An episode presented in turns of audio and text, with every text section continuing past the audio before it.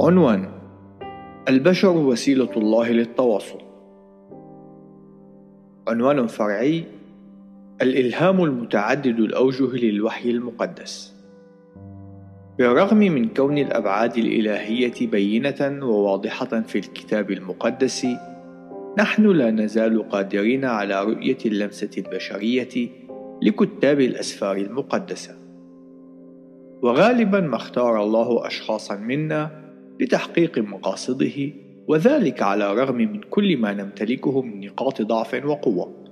وحين ندرس الأسفار المقدسة بلغاتها الأصلية نستطيع أن نميز بين الأساليب الأدبية المختلفة التي استخدمها الكتاب المختلفين للوحي المقدس.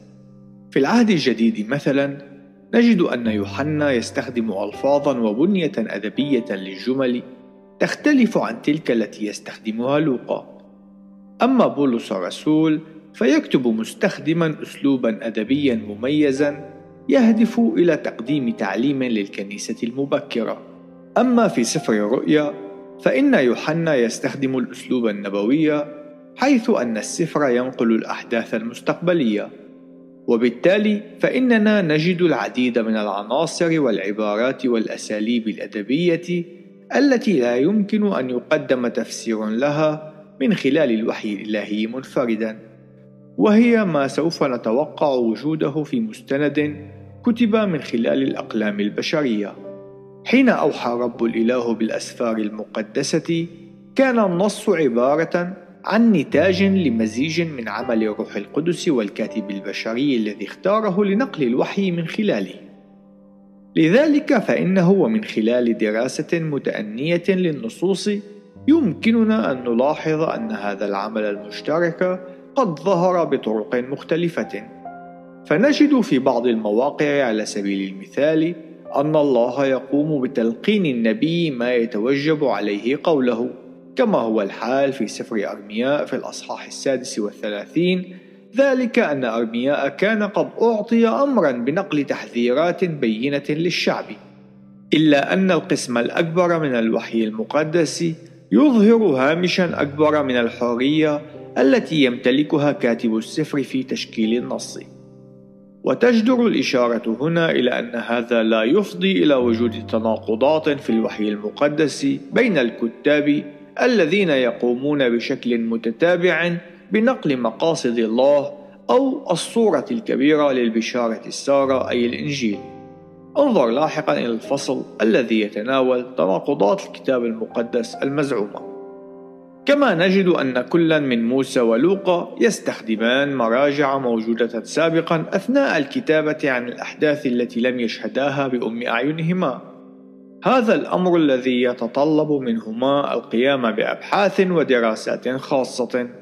في حين نجد ما يشير إلى أن بولس الرسول يكتب من بنات أفكاره ليتخذ بذلك الأمر خيارات تتعلق بالأسلوب الأدبي وذلك بشكل متعمد.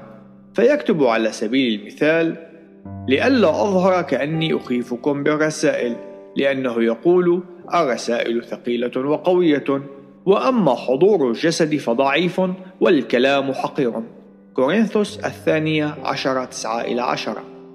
وحين ننظر إلى ما كتبه داود النبي فإنه من المستبعد أن يخيل لأي شخص أنه كان يلقن المزامير التي كتبها.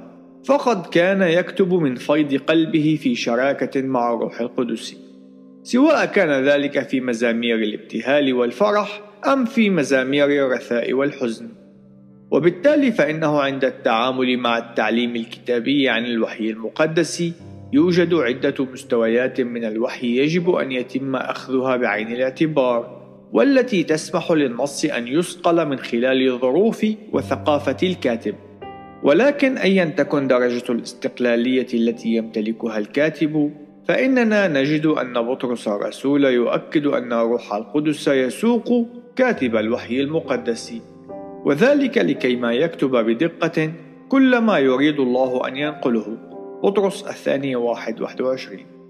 وبالتالي فإنه يمكننا أن نمتلك الثقة بأن الله لم يسمح لأي خطأ بشري أن يتسلل ويلوث الحقيقة التي ينقلها الكتاب المقدس أثناء كتابته. إن الصورة الكبيرة للكتاب المقدس تنقل لنا تفاصيل محبة الله وعنايته الفائقة بالبشر الذين خلقهم. وبالتالي فإنه يجب ألا يكون أمرا مستغربا أن يستخدم البشر في نقل رسالته هذه. ولطالما كانت الطريقة التي يستعملها الله في نقل رسالته تشتمل على استعمال البشر كوسيلة لذلك، حتى إن الرب يسوع المسيح قد اتخذ طبيعتنا حتى نكون قادرين على فهم طبيعة الله على نحو أفضل. وتنقل لنا الرسالة إلى العبرانيين التالي: إن يسوع المسيح هو بهاء مجد الله ورسم جوهره، كما أن وصية يسوع المسيح للمؤمنين هي أن يشاركوا إيمانهم ويحملوا رسالة محبة الله إلى العالم أجمع، مظهرا من جديد اختياره للبشر لنقل رسالته إلينا.